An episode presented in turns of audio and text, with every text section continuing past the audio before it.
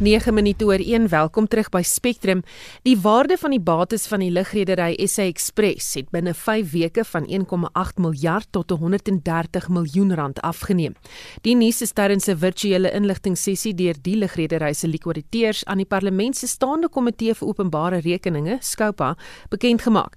Die likwiditeurs het verlede maand begin om van die lugredery se bates ontslae te raak om skuld te delg. Estie de Klerk doen verslag. Een van die vrae wat die hooflikwidateur Aviwe Ndeyamara moes beantwoord, het betrekking gehad op die waarde van die bates van SA Express. When we took office, the estimated assets were quantified to be 1.8 billion. This past 5 weeks, in light of the COVID regulations, to an amount to be quantified at this stage to 113 million. So there's significant differences. So what asset are we dealing with now? If we had to dispose of the asset, what value are we talking? We're sitting at 113 million and we're still busy reconciling. We do have challenges regarding the reconciliation in terms of what is on the books and records and what is physically there that vests with SA Express. Die likwidateurs en die departement van openbare ondernemings is met vrae gepeper deur lede van Skoupa insluitend die komitee se voorsitter Nkuleko Nslengwa en die EFF se Veronica Mente. The company Lighthouse has full access to the aircrafts, repairing the aircrafts. So if you have a party that have access to stores, have access to aircrafts and everything, that can devalue the company assets because people can steal things. I do not know the logic behind that. You seem to still be at investigative stage about everything. Um, trying to ascertain a lot of things. Of course, that should form part and parcel of the work that you are doing. But what it indicates to me is that you may also be saddled then with the situation of poor record keeping which you have found in the institution. If you are taking such a long time to arrive at factual conclusions, Intussen het Skoupa se DA-lid, Alf Lees, 'n vraag gehad oor die belange van die sewe belanghebbendes wat dalk belangstel om SA Express oor te koop. With regard to these seven now, you say interest parties. Who are they? What are they looking for? Are they looking for just the licenses? Are they looking to take over the airline as a whole, including its liabilities? Are they looking to take over the airline, excluding its liabilities guaranteed by government? What exactly are they looking for? Maren Dirks van die ANC kan steeds nie verstaan waarom SA Express gelikwideer moet word nie. I want to hear that uh, somebody from the department can come on the public platform and tell South Africans in plain and simple English what brought us to where we are today. at, at this point of liquidation because this asset belongs to the millions of South Africans out there. And if my, myself and my colleagues are not out there, how will they understand what has brought us? And I want the South Africans to get answers from the department. Terwyl die departement en die likwidateurs vrae beantwoord het, is daar steeds talle vrae wat onbeantwoord bly. Skoupa het ook besluit om verdere samesprekings met die belanghebbendes te voer. Die verslag is saamgestel deur Mercedes Besent in die parlement en ek is Estie de Klerk vir SAK nuus. Na meer as 80 dae se kookkunstuis heers daar opgewondenheid om eersdaags weer in restaurante vir 'n maaltyd te kan aansit. Die opwinding is wederzijds vir restauranteienaars wat weer hulle deure vir hul klante kan oopgooi, al sal dit op 'n beperkte skaal wees, sê die uitvoerende hoof van die Suid-Afrikaanse Restaurantvereniging Wendy Alberts en ons praat nou met haar. Goeiemôre Wendy. Goeiemiddag. Dankie dat uh, jy ons uitgenooi het. Wat is die reaksie onder restauranteienaars oor die aankondiging? Um, ons is baie dankbaar en opgewonde dat ons restaurant weer weer kan oopmaak. En dit is uh, na baie baie weke as julle wel weet. So ons is baie verantwoord um, dat ons pragtige restaurante sal weer deel wees van mense se lewe en ons kultuur. So ons is baie um opgewonde dat julle kan weer by ons lekker kom kuier um na 12 baie lang weke waar ons weer te wees. Hoe gaan dit nou werk? Hoe gaan COVID-19 maatreëls in restaurante toegepas word? We certainly waiting for the protocols to be released as uh, the minister took on, so we're hoping by two o'clock they will be released. We have uh, done necessary consultation on the proposed measures of protocol in order to bring complete value and a workable solution between industry and government. So we're hoping that the government has fairly considered all those protocols and that we're able to move swiftly forward and save the restaurant industry. You know, whilst there's huge celebration that has taken place with uh, our restaurants last night, today is really the start of how we rebuild the industry and how we certainly save the industry. So there are many, many long discussions and hard discussions that we need to have with various departments within government as well as landlords, insurance companies, banks, and the food supply chain. Wendy, hoeveel restaurante moes hulle deure sluit? Hoeveel werksverliese was daar, weet jy? We currently have a list that's been drawn up that we um, are getting the location, size, and restaurants that have closed through this time. And the list that we've got is anticipating around about 700 at this time. So it's a large amount of restaurants that we've lost. A lot of restaurants that have closed are iconic to the tourism industry. They're on large tourism belts and they've been fundamental parts of South Africa for a very long time. It's very sad to lose these restaurants because uh, worldwide is an attraction to come to South Africa for the culinary excellence. You know, we've got some very, very famous chefs in South Africa. We've got the world's best lady chef, Chantal Dartnell. We've got the world's best restaurant sitting in Paternoster. And we've got another lot of iconic award world, world award winning restaurants scattered around Cape Town and South Africa. So we certainly need to do everything we can to bring these businesses back to life and look at a solution um, with the small business minister who has certainly put herself out there to assist us in bringing the business and stabilizing the business as well as sustaining employment. You know, if we switch the lights off permanently in the industry, 800,000 people will be jobless. Het alle restaurante ten spyte van die vlak 4 en 3 toelaatbaarheid vir die maak en aflewering van wegneem ete steeds gesukkel om kop bo water te hou? Absolutely. You know, it's, uh, our industry is decimated as a, the, as a result of the fact that we've tried to accommodate government on every turn. You know, our businesses are about sit down, they're about buns on seats, we're about having an experience, we're about alcohol and food sales and the combination of that. We're about uh, opening our businesses up in completion. And, you know, when COVID 19 came in with the restrictions, government requested us to transform our businesses, one, into delivery service, which cost a lot of money. There was a huge amount uh, of loss that we had, and the most amount of uh, turnover went to third party delivery guys. So, in a 20% operational space, we were trading at a huge loss and giving 42% of that through to the third party delivery guys. We've then gone on to takeaways, which hasn't added any further relief onto our profitability. It's just actually put us into further debt alongside the liquor restrictions. So we're certainly hoping that the government really, really understands the frailty of the industry and that the business models we presented in the relief that we need in order to sustain the industry will be met today. Ehm um, gepraat van alkohol, geen aankondiging is gemaak of alkohol in restaurante bedien sal kan word of nie, weet julle iets? We've certainly included the sale of alcohol to be dispensed with meal under the liquor license restriction that we've got per outlet. We've always displayed responsible liquor dispensation within the restaurants. We are governed by liquor licenses and we are also um, have included that in the protocol standards that we have put to government in order to allow that within restaurants. Baie dankie. Ons het nou gepraat met die uitvoerende hoof van die Suid-Afrikaanse Restaurantvereniging, Wendy Alberts. Die werkgewersorganisasie vir haarkappery, kosmetologie en skoonheid is verheug oor die regering se aankondiging dat haarkappers en terapeute in die bedryf binnekort weer sal kan begin werk. Ons praat nou met die organisasie se Noord-Gautengse afdelingsbestuurder, Mariska Du Plessis. Goeiemôre Mariska. Middag Suzan, middag al die luisteraars. Julle reaksie en gedagtes dat salonne binnekort kan heropen? Susan, ja, inderdaad is ons verheug, verlig en verseker baie dankbaar dat ons weer nou op vlak 3 inperkings uh, vlak mag begin werk.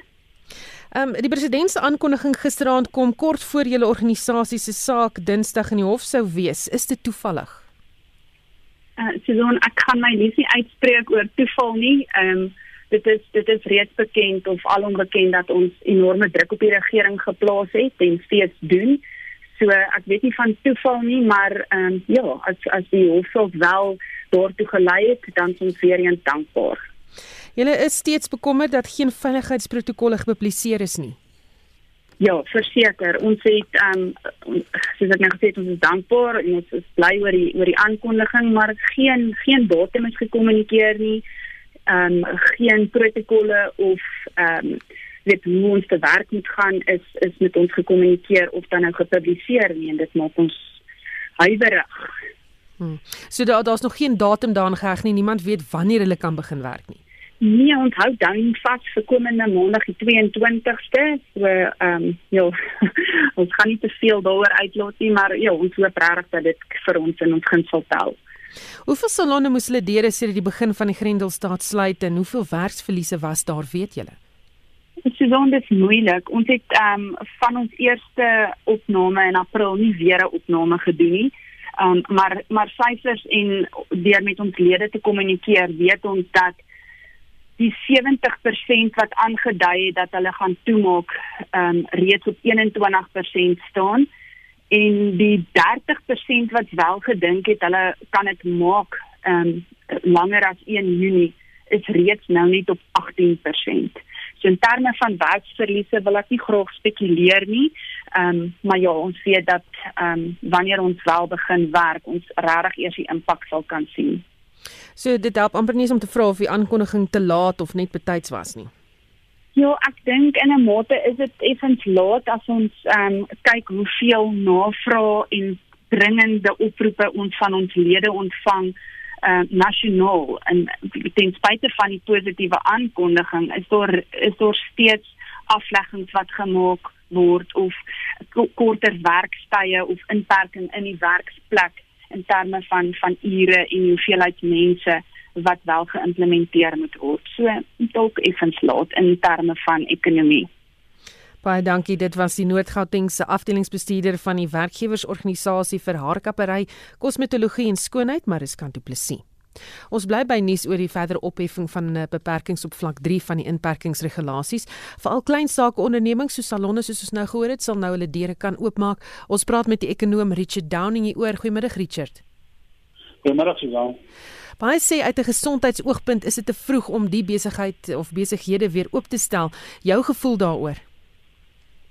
Ja, ek dink dit uh, dit kom meer op 'n afruiling van uh, van gesondheidsrisiko's uh, wat ons het met hierdie virus en dan ook in terme van wat moontlik voor lê in die ekonomie en wat ons reeds ondervind. En uh, ons het uh, ek het saam met uh, CMT rekenmeesters onder andere 'n indeks gaan opstel 'n bietjie om te kyk uh, hoe lyk die klein sake omgewing uh, uh, uh, waarmee het ons hier te doen. Ek weet mense hoor nou verskillende sektore het uh, sekere ondervindings, maar ek dink daar is daar is baie sterk aanduidings dat uh, in in in in in April en in Mei het die indeks redelik sterk teruggesak uh, wat ons van praat hier in terme van tuinsake omgewing en staan die indeks op die oomblik hier op 76 teenoor 104 in in in in in maar en dinge nog redelik op was en die ekonomie nog redelik aan die gang was.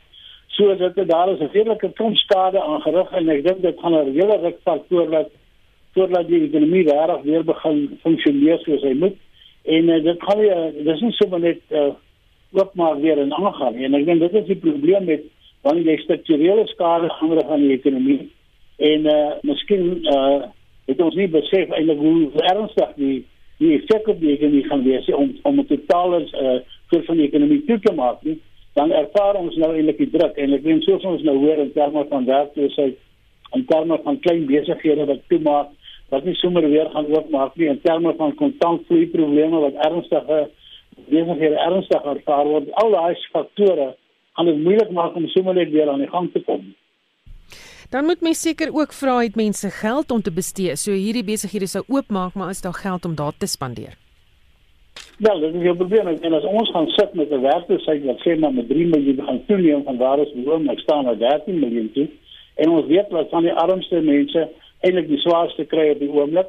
Ons weet ook dat die staat in geen posisie is om eintlik voort te gaan deur net eenvoudig uit te deel nie en dat hy dalk uh, op, op baie ongesonde finansiële praktyke sal moet neerkom om om die ekonomie aan die gang te hou. Dan lê daar ernstige vraagstukke nog voor van die ekonomie. En uh, en dit is 'n probleem waar jou jou aanbod kan van die ekonomie eintlik tot stilstand gedwing word en die skep vraag aan die monetêre kant maar uh, die en, en jy verwag dat pryse nie moet reageer nie.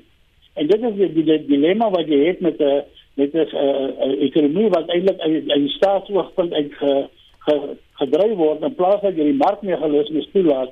En ek dink wat die COVID-19 ons sterk geleer het is dat wanneer jy regtig ingryping van die staat het en die ekonomie probeer beheer en bestuur wat ook al 'n uiters moeilike taak is en dat die markmeganisme op die uiteinde altyd die beter manier is om eintlik daai verhoudings en en en funksionering van die ekonomie te beheer en en en te reguleer. Maar Richard, as ek so luister na jou en met ons vorige sprekers, uh, jy weet ons weet nie hoeveel skade is aangerig nie want daar is data wat ontbreek op die oomblik. Ja, nee, dit is 'n probleem. Ek meen ons het gesien statistiek byvoorbeeld eh uh, het nie sekere data bekend gemaak nie en 'n uh, voorbeeld jou verbruikersprysindex wat hulle nou te gaan publiseer is redelik aangepas want met met met met die, definisie van essensiële goedere aanvanklik is daar net sekere goedere waarvan waarvan pryse opgeneem kon word. Ander moes geskat word, ander moes geïmporteer word, menende dat jy maar werk op op op die soort van neigings wat daar was in pryse en dit maak dit eintlik moeilik net om net om selfs inflasie te meet. En ons praat nie eers hierso van waarde toevoeging en WBP nie, waar ons verwag dat hy syfer einde Junie vir die tweede vir die eerste kwartaal gaan uitkom. Nou die eerste kwartaal was nog 'n redelike kwartaal. Ons was al klaar in 'n resessie. Die staat is eintlik in rommelstatus. Ek weet hy sy finansies is beroerd op alle vlakke van die regering.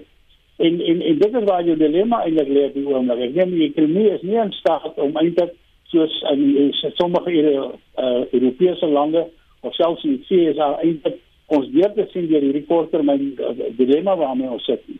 En ek dink dit is dit is 'n uitdaging, as jy sien meer uitdaging met ernstige dilemma sou ek sê waarmee ons te kamp het om te besef eintlik hoe dringend dit is om strukturele veranderings in te bring dat jy jy situasies soos hierdie wanneer daar iets van buite af kom en ek so geen inwerking die ekonomie jy dit kan hanteer Maar ons sit nou met 'n dilemma. Ons sien met SAA, met lugdienste en goed wat daaraan net so kan gedink word. Ons kan maar net voortgaan. Eh dit is moeilik om te verstaan hoe dit gaan werk, maar in elk geval, dit is 'n situasie waarmee ons te kamp het. So die ekonomie en huishoudings en klein besighede en selfs groter besighede.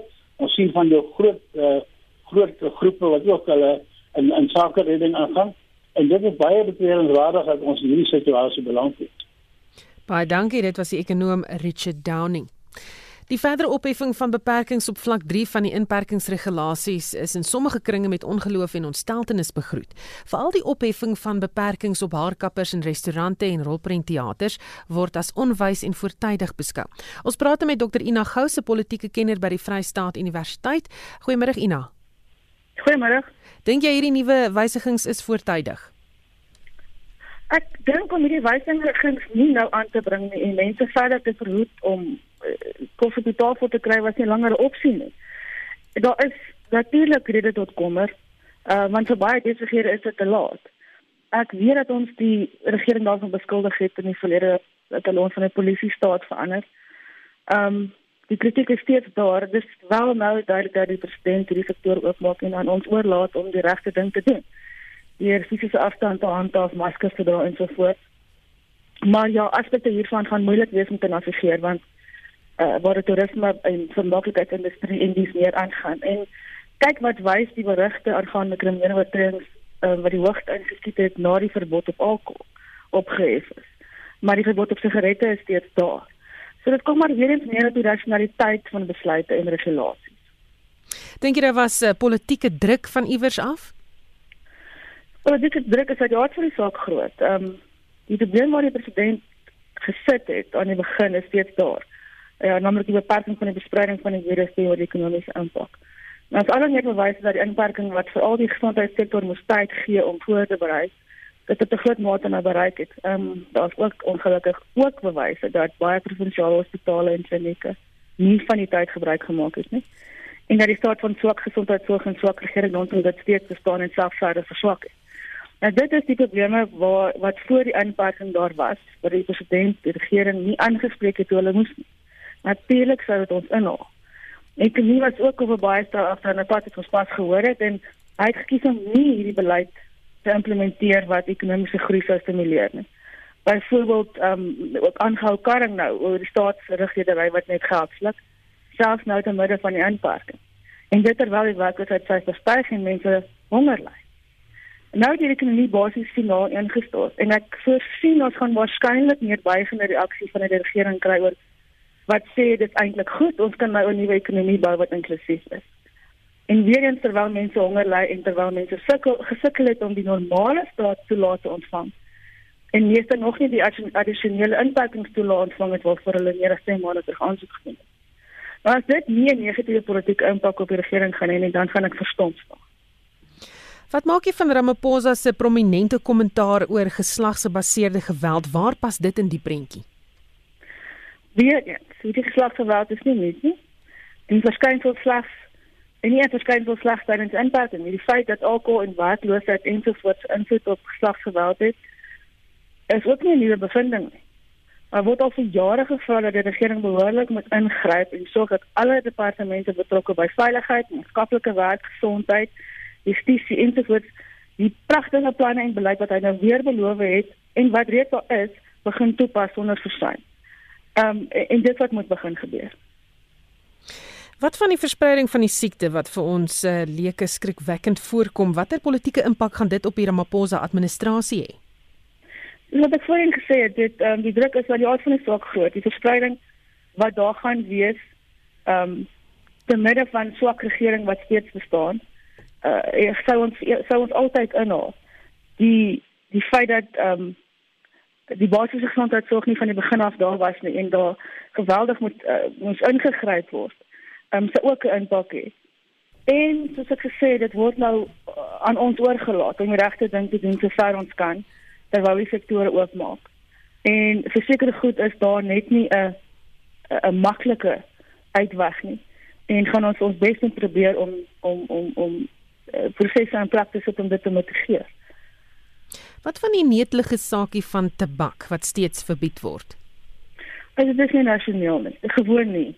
Die minister mors tyd en geld om hierdie hofsaak wat nou besluit aan hande gemaak is te beveg En ek bly dit het nou persoonlik geraak en sy moet die nonsens net los en nou bepaal dat die werklike swak regering onder die betrokke departemente tydens die krisis en veral ook daarna. Baie dankie, dit was Dr. Ina Gou se politieke kenner by die Vrystaat Universiteit.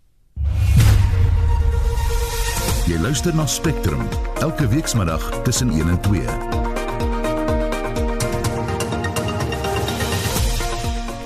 In die nuus restaurante en haarkappers verwelkom die verslapping van die inperkingsregulasies wat hulle ook nou toelaat om hulle besighede te bedryf en die nasionale seereddingsinstituut red 'n walvis suid van Kommetjie in die Wes-Kaap. The adult humpback whale had freedom of movement but was found to be entangled in fishing rope with a single wrap around the tail that had additional fishing ropes with a flotation buoy and fishing gear attached to the trailing rope that was dragging behind the whale. Bly ingeskakel.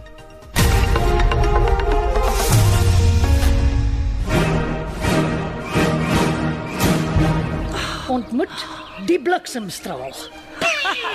Flash is sy gunsteling karakter soos jy kan sien. Die groot geel blits op die rooi agtergrond voor op die neus. Bliksemstraal.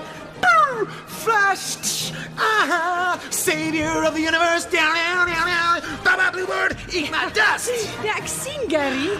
Wow, die die detail is verstommend. It's elementary, my dear Watson. Observe, Watson, observe. Die bliksem deur Martyn Leroux vanaand 8uur in radioteater. Gary, hoor jy wat ek sê? Frankly my dear, I don't give a damn. Gone with the wind. Mm, hy sê vis oor jy moet gaan.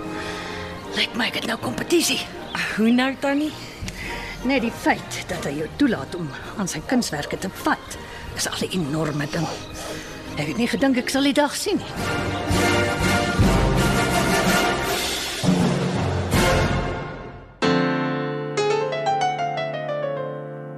in vermiddag se episode van die Lingervelders, geskryf deur Marie Snyman. Nee, ek nie. Ek het nog nooit iets gedoen om net oor almal te doen nie. Mens moet tog jou eie persoonlikheid hê. Ja, jy is nes jou ma. Ek het nie geweet jy ken Bets nie. O. Jy bedoel my biologiese ma? Ek neem aan jy het haar geken of ken haar. Ek in my groot mond. Vergeet dit asseblief.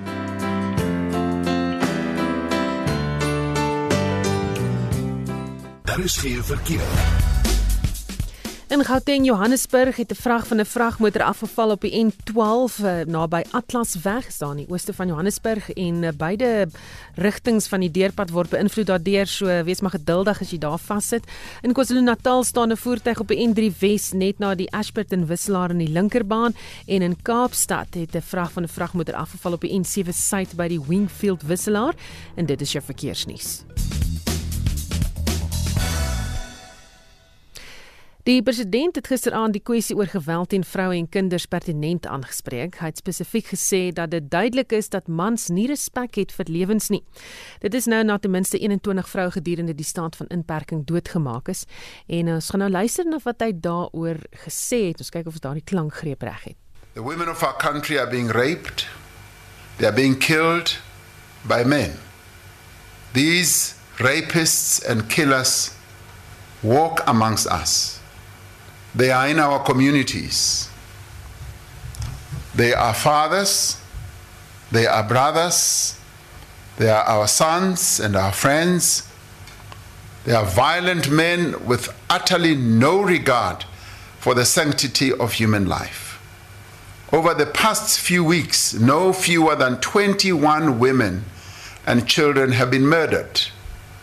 Their killers thought they could silence them. But we will not forget them, and we will speak for them where they themselves cannot.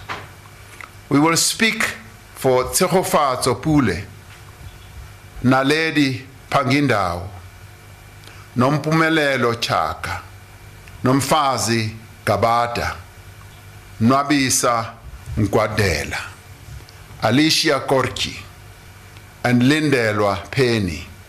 All of them are young women or were young women who were killed by men. Ons praat nou verder hieroor met Dr Tasha Oosthuizen, sy is bedryfsielkundige en voorligtingsielkundige van die Noordwes Universiteit. Goeiemôre Tasha. Goeiemôre John, goeiemôre luisteraars. Ons het nou gehoor wat die uh, president gesê het, neem dit werklik toe of kom die geweld teen vroue en kinders net nou na vore omdat daar 'n kollig op dit geskyn word? Wel ek is dankbaar vir die kollig daarop, maar ek dink die hele situasie van geweld teen vroue is iets waarmee ons al vir eeue te doen het. En uh, ek wil net vinnig sê as ons kyk na geweld, dan praat ons van 'n aksie waar iemand anders beheer word of mag oor hulle verkry word en dat dit in enige soort verhouding kan plaasvind teenoorgestelde geslagsverhoudings en alles eie geslag en geweld wat met agressie dan gepaard gaan, kan nie twee skei nie. Beteken dat daar 'n taamlike sielkundige biologiese energie is wat opgewek word en dit moet neerslag vind in enige vorm van gedrag. So die basis van enige vorm van geweld, soos dit deur alle tye voorgekom het, het te doen met magsmisbruik. So mense moet versigtig wees om dit net om man se nekke te hang. Ja, ek is baie bly dat jy dit sê want ek kan amper sê uh ek ek kry soms die gevoel dat mans gestigmatiseer word as gewelddenaars wat nie so is nie. Daar's baie mans wat lieflike verhoudings het met hulle vrouens met hulle kinders broers susters. En dit is goed dat ons ook weet dat daar mans is wat voorbeelde stel van wat dit beteken om werklik vir 'n vrou uit te kyk. Maar waar kom die geweld histories vandaan Susan, ons kan op verskillende teorieë gaan kyk wat verhanthou met uh hoe kulture ontstaan het, hoe persoonlikhede ontstaan het en die interaksie tussen mense en omgewing, maar ek wil bietjie op die ontstaan van persoonlikheid fokus wat ons baie keer ervaar is dat 'n babatjie gebore word word hulle aan objekte blootgestel. En hierdie objek kan 'n sagte speelding wees dit kan 'n dier wees dit kan 'n ma of 'n pa wees. En die interaksie tussen hulle en hierdie objekte bepaal dat hulle 'n spesifieke idee oor 'n verhouding vorm. Wat dan daartoe bydra dat hierdie objek of dan nou met respek hanteer word of rondgeskop word of geslaan word ensovoorts wanneer kinders in 'n liefdevolle omgewing groot word waar ons die bydrae sien van hoofsaaklik beide ouers kry ons die insette van ouers wat hulle leer wat basiese waardes is en hulle leer om met respek om te gaan met hierdie objek sou dit nie gebeur nie en kinders is op hulle self aangewese of daar's nie 'n liefdevolle versorger nie vorm outomaties 'n negatiewe objekverhouding. En dit veroorsaak dan dat dit baie makliker is as hulle groter is om hierdie filters wat hulle moet help om nie net op instinkte te reageer nie om daardie filters in plek te hou. So wat dan uiteindelik gebeur is hulle ego-krag en ander woorde hulle vermoë om te kan weet wat is reg en verkeerd of aanvaarbaar en nie aanvaarbaar nie is baie min word hulle dan aan druk en stres blootgestel, dan kry ons dat die instinktiewe drange eerder na vore kom. Nou terwyl ek dit sê, wil ek ook sê dat kinders behoefte het aan aanvaarding en liefde en veiligheid. Nou in sommige gevalle gebeur dit as kinders dit nie kry nie, daarby hulle 'n basiese kan ons in aanhalingstekens sê boosheid of evil dan ontstaan. Met ander woorde, hulle raak so angstig, raak so gefrustreerd en omdat hulle dan as kinders in die huis moet bly waar hulle nie die liefde en ervaring kry of aanvaarding kry nie, raak hulle dan al meer en meer gefrustreerd kom tot uiting verskillende aggressies en aggressiewe gedrag ook selfs teenoor diere, teenoor ehm um, medegesinsslede. En wat dan gebeur, soos hulle groter word, begin hulle vir hulle self 'n stelsel inbou waar hulle soek na as ek die woord kan gebruik selfverheerliking om dit te oorkom want ons moet dan ook in ag neem dat die feit dat hulle kom praat oor hulle frustrasie nou beteken dat as hulle selfverheerliking soek dan wil hulle graag deur ander geag word en in baie gevalle die idee van die macho man die cowboy ensovoorts dra daartoe by dat hulle dan anders gaan optree Dan sal die president se direkte toespraak en aanspreek van die probleem die probleem oplos. Ek waardeer sy staatsmanskap om dit te sê, maar weet jy, ek moet vir jou ongelukkig sê, ek dink as al ons stelsels wat al reeds in plek geplaas is, regtig gefunksioneer soos dit moet, dan sal dit dalk 'n groter effek gehad het. Ek meen ons het net net gehoor dat daar word nie genoeg gedoen in terme van uh, aanpassings van wette ensovoorts nie.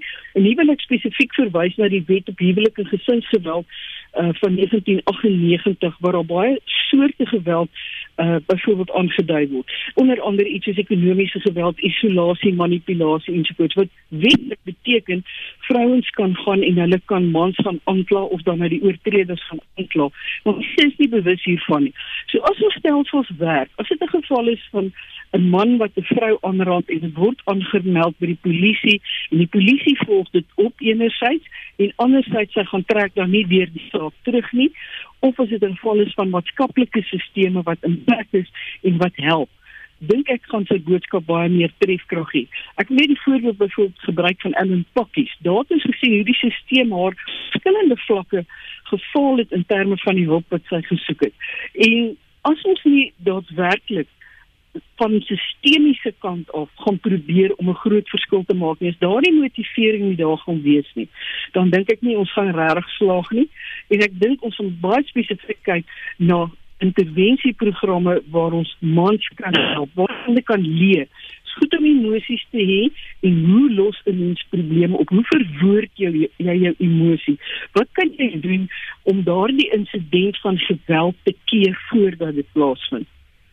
Baie dankie. Dit was Dr. Tersha Oosthuizen, sy is 'n bedryfsielkundige en voorligtingsielkundige aan die Noordwes of sielkundige uh, van die Noordwes Universiteit. Die verdagtes wat gister deur die Valke in verband met die FBS bedrogspel in hegtenis geneem is, het vandag in die Palm Ridge streekhof in die ooste van Johannesburg verskyn. Hulle sal teregstaan op 47 aanklagte wat insluit rampokkery, diefstal, korrupsie en geldwasery. Die hoof van die Valke, luitenant-generaal Godfrey Lebia en die nasionale direkteur van openbare vervolgings, advokaat Shamila Batoy, het gister gesê die ondersoek duur voort. En ons praat met die ondersoekende joernalis van die Daily Maverick se ondersoekeenheid Skopie, Paulie van Wyk. Goeiemôre Paulie. Goeiemiddag. Hoe voel jy na al hierdie gebeure die afgelope 2 dae? Jy werk nou so lank aan hierdie storie.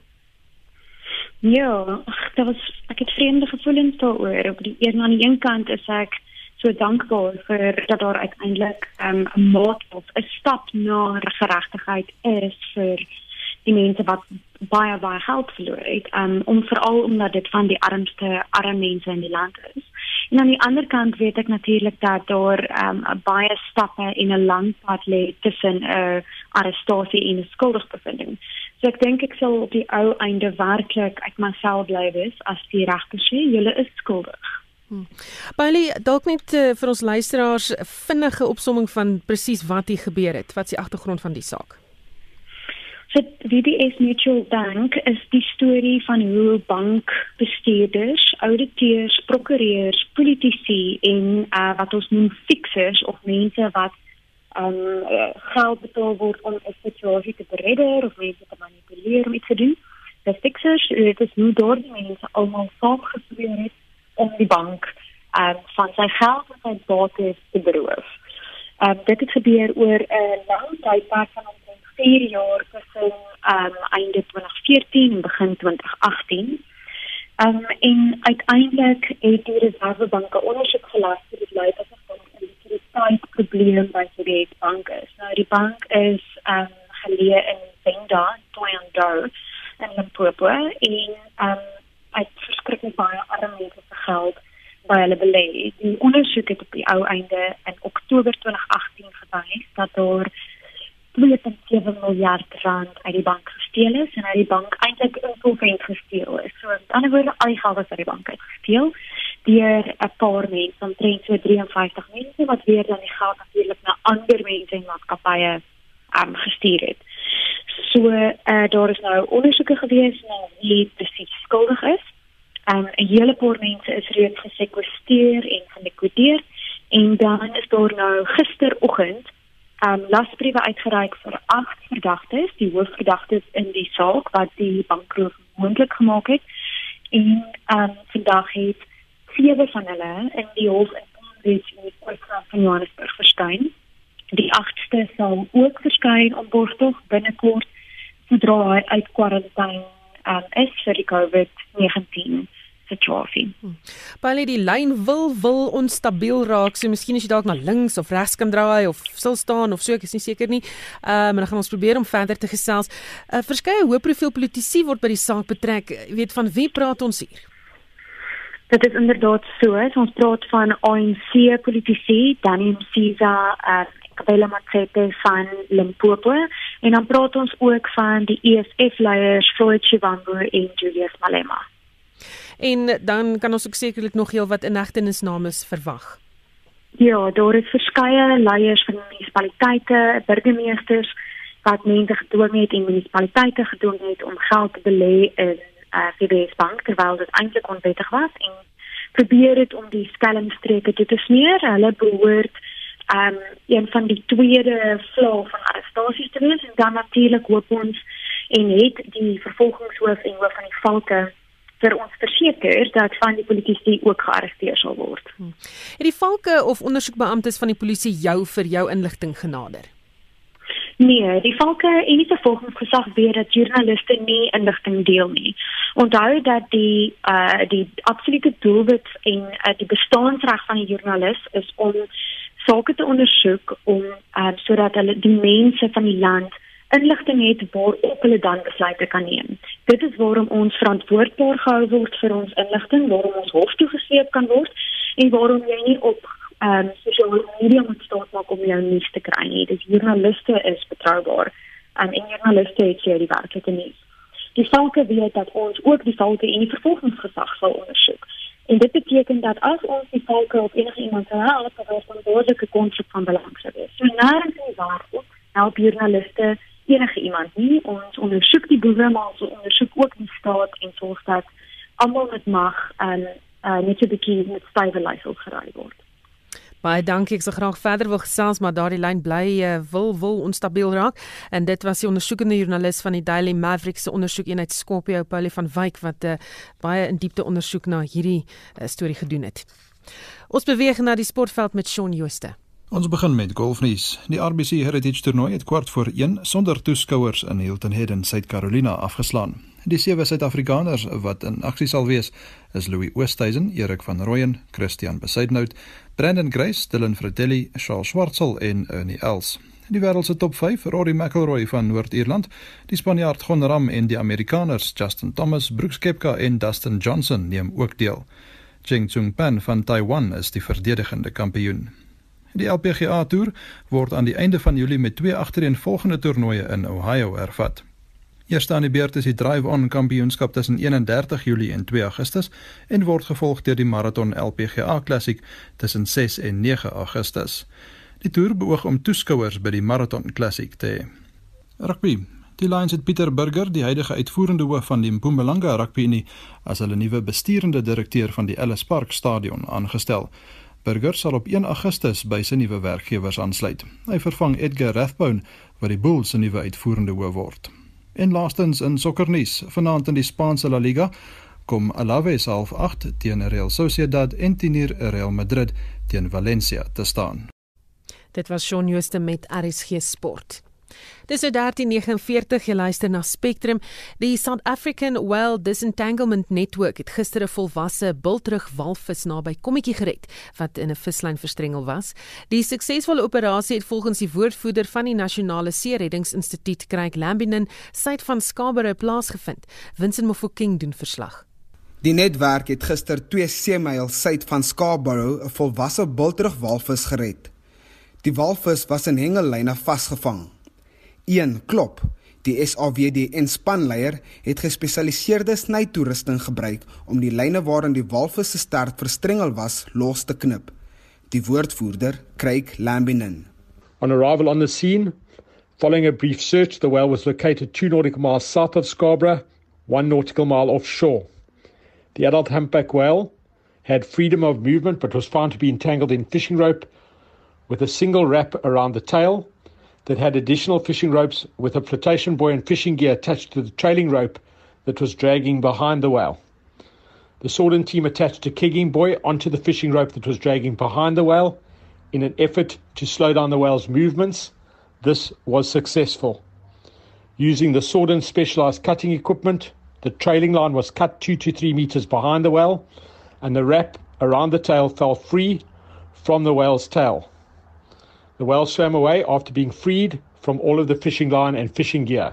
Lambinen sê die walvis is vry en dank die vrywilligers en vissermanne wat die saak vroeg aangemeld het. The fishing ropes, flotation buoy and fishing gear was recovered onto the sea rescue craft. The operation from arrival on the scene to cutting and recovering all fishing rope and fishing gear lasted 20 minutes. The whale appeared to be healthy and was swimming strongly. Sworden are confident that this operation has been successful. The operation completed at 1400 hours 14. Intussen is die Nasionale See-reddingsinstituut en die polisie se duikeenheid steeds op soek na 'n 10-jarige seun wat Woensdag by die Gansbaai hawe vermis geraak het. Hy het na bewering aan die buitekant van die hawemuur in die water geval. It appears the child had been fishing with friends at the harbour. As they were preparing to go home, the child may have slipped and fallen into the water. In Israel, Humanus duty crew were alerted at 1600 hours 44 on Wednesday, the 17th of June. The serious craft Rotarian Burnett was launched, and Western Cape Government held EMS, and the SA Police Services responded to the scene. On arrival on the scene, it was found that local divers had already initiated a search for the child, uh, diving uh, in the water on the outside of the harbour wall. Uh, NSRI police and uh, EMS paramedics joined the search despite an extensive search. Dit was Craig Lambinen, die Nasionale See-reddingsinstituut se woordvoerder. Die polisie se ondersoek gaan voort. Vincent Mofokeng, SAK-nuus. Suid-Afrikaners wat vroeër in die land aangekom het nadat hulle uit Peru gerepatrieer is, moes ure lank op die OR Tambo lughawe in Johannesburg vir vervoer wag na hulle afsonderingsfasiliteite toe. Die DEA se skademinister van internasionale betrekkinge en samewerking, Darren Bergman, sê intussen, hoewel verskeie departemente lof verdien, dalk die is wat tekortskiet. Home away from home itself has worked with government, but then once the people land, they've given into the hands of the quarantine, which is Department of Public Works, and then in quarantine, the hands of Department of Health. And at the airport, there's Department of Home Affairs and Transport. Now, they're almost couched by what we've done. There's always these WhatsApp groups and the expectation and perception that's always being managed at all times. So instead of complaining to the relevant departments, they're in effect complaining to the Democratic Alliance. Hy sê daar's heelwat onduidelikheid oor watter departement vir spesifieke kwessies verantwoordelik gehou moet word. We try to give people a frequently asked question sheet. We would say, look, once you've landed, you know, please understand that Department of Public Works is responsible for the hotel. You know, if your meal is cold, and we've seen some shocking photographs of uh, horrible meals. We've seen shocking photographs of people not even getting a meal at night once they've landed. You've got to ask yourself, well, hang on a second. You know, we're the ones getting that complaint. And we shouldn't be getting that complaint. You know, that hotel should be getting that complaint, or public works should be getting that complaint. Intussen sit verskeie Suid-Afrikaners steeds vas in die buiteland. There was a flight from Belgium Air that was meant to be coming in. This was about two weeks ago. And for all intent purposes, that aeroplane should have come in. Was approval was not granted. These people, 201 of them, had gone through customs, had had their passports stamped, and had gone into the area and were all singing Shoshaloza, were singing Kosisigalele Africa, all excited that they were finally coming home. And at the last minute, get told no, they have to now get back on the bus and they're going back to the ship. Meer onlangse voorbeeld is die van inwoners wat uit Frankfurt, Duitsland sou terugkom.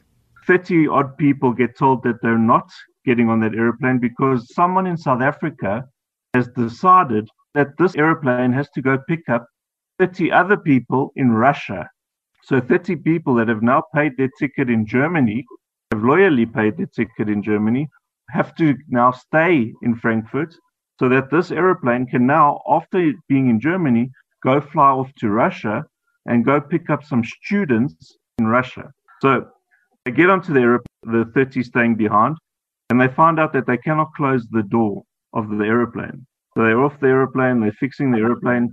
They now have to offload another few passengers because now a few passengers can't sit near the door area because now there's a concern about the door not being safe. Volgens hom is daar 'n algemene gevoel van 'n gebrek aan aanspreeklikheid. So it's really a case of who's holding the net joints accountable. I must say I found cooperation in, in many people there, but if you look at the turnover in, in net joints, look at the turnover of staff in net joints, people that are working on that platform. The blood pressure's high, the health issues are high because people are under severe, severe stress and pressure working on that platform. And we're seeing it. Dit was die DEA se skademinister van internasionale betrekkinge en samewerking, Darren Bergman. Ek's Marlene Forsiefer, SAK nuus. 16 mense waaronder senior polisiebeamptes en beweerde bendeleiers is in hegtenis geneem in verband met bedrog en korrupsie wat glo by die sentrale vuurwapenregister gepleeg is. Volgens die nasionale polisiewoordvoerder, brigadier Vish Naidu, was die beamptes na bewering betrokke by die aftekening van geweerlisensies sonder dat behoorlike verifisering of korrekte prosedures gevolg is. Winsme Fokeng berig. Volgens die nasionale polisie woordvoerder, brigadier Vishnaidu, volg die inhegtenisnemings na 'n 3 jaar lange ondersoek.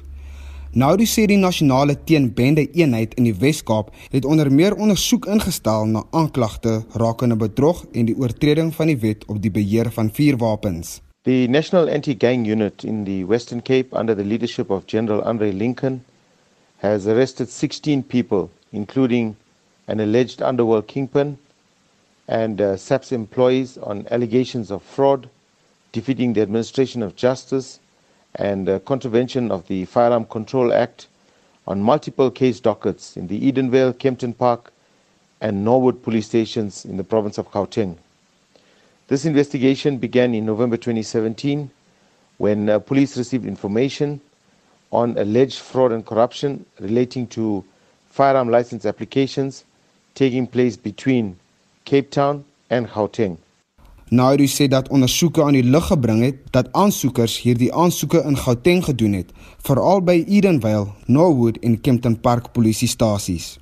In January 2018, it was found that several people, including Cape Town underworld figures and their family and friends, allegedly obtained their competency certificate or certificates and firearm licenses to possess firearms as well as a temporary authorization to possess a firearm in an allegedly wrongful manner.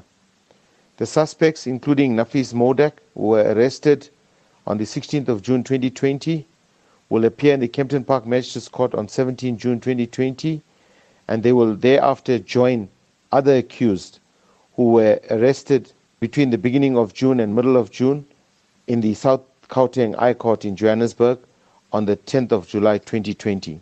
Nou die vra verder dat mense die polisie toepassing op hulle fone aflaai om op hoogte te wees van die misdade en so ook dit anoniem te kan rapporteer. We continue to appeal to anyone who has any information on crime to contact the police on the Crime Stop 086 001011 number or information can also be communicated to the SAPS via the MySAPS app, an application which can be downloaded on any iPhone or Android via the Play Store.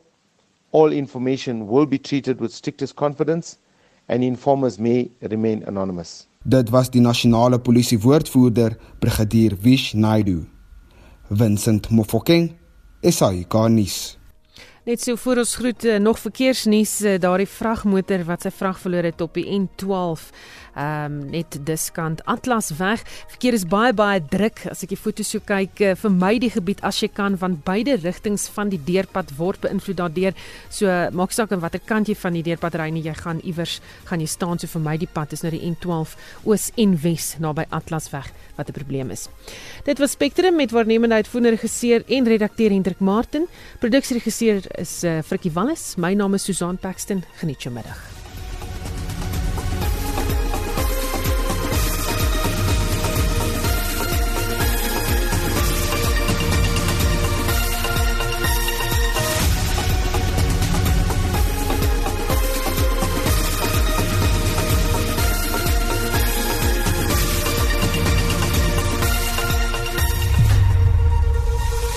SAK nuus. Onafhanklik, onpartydig.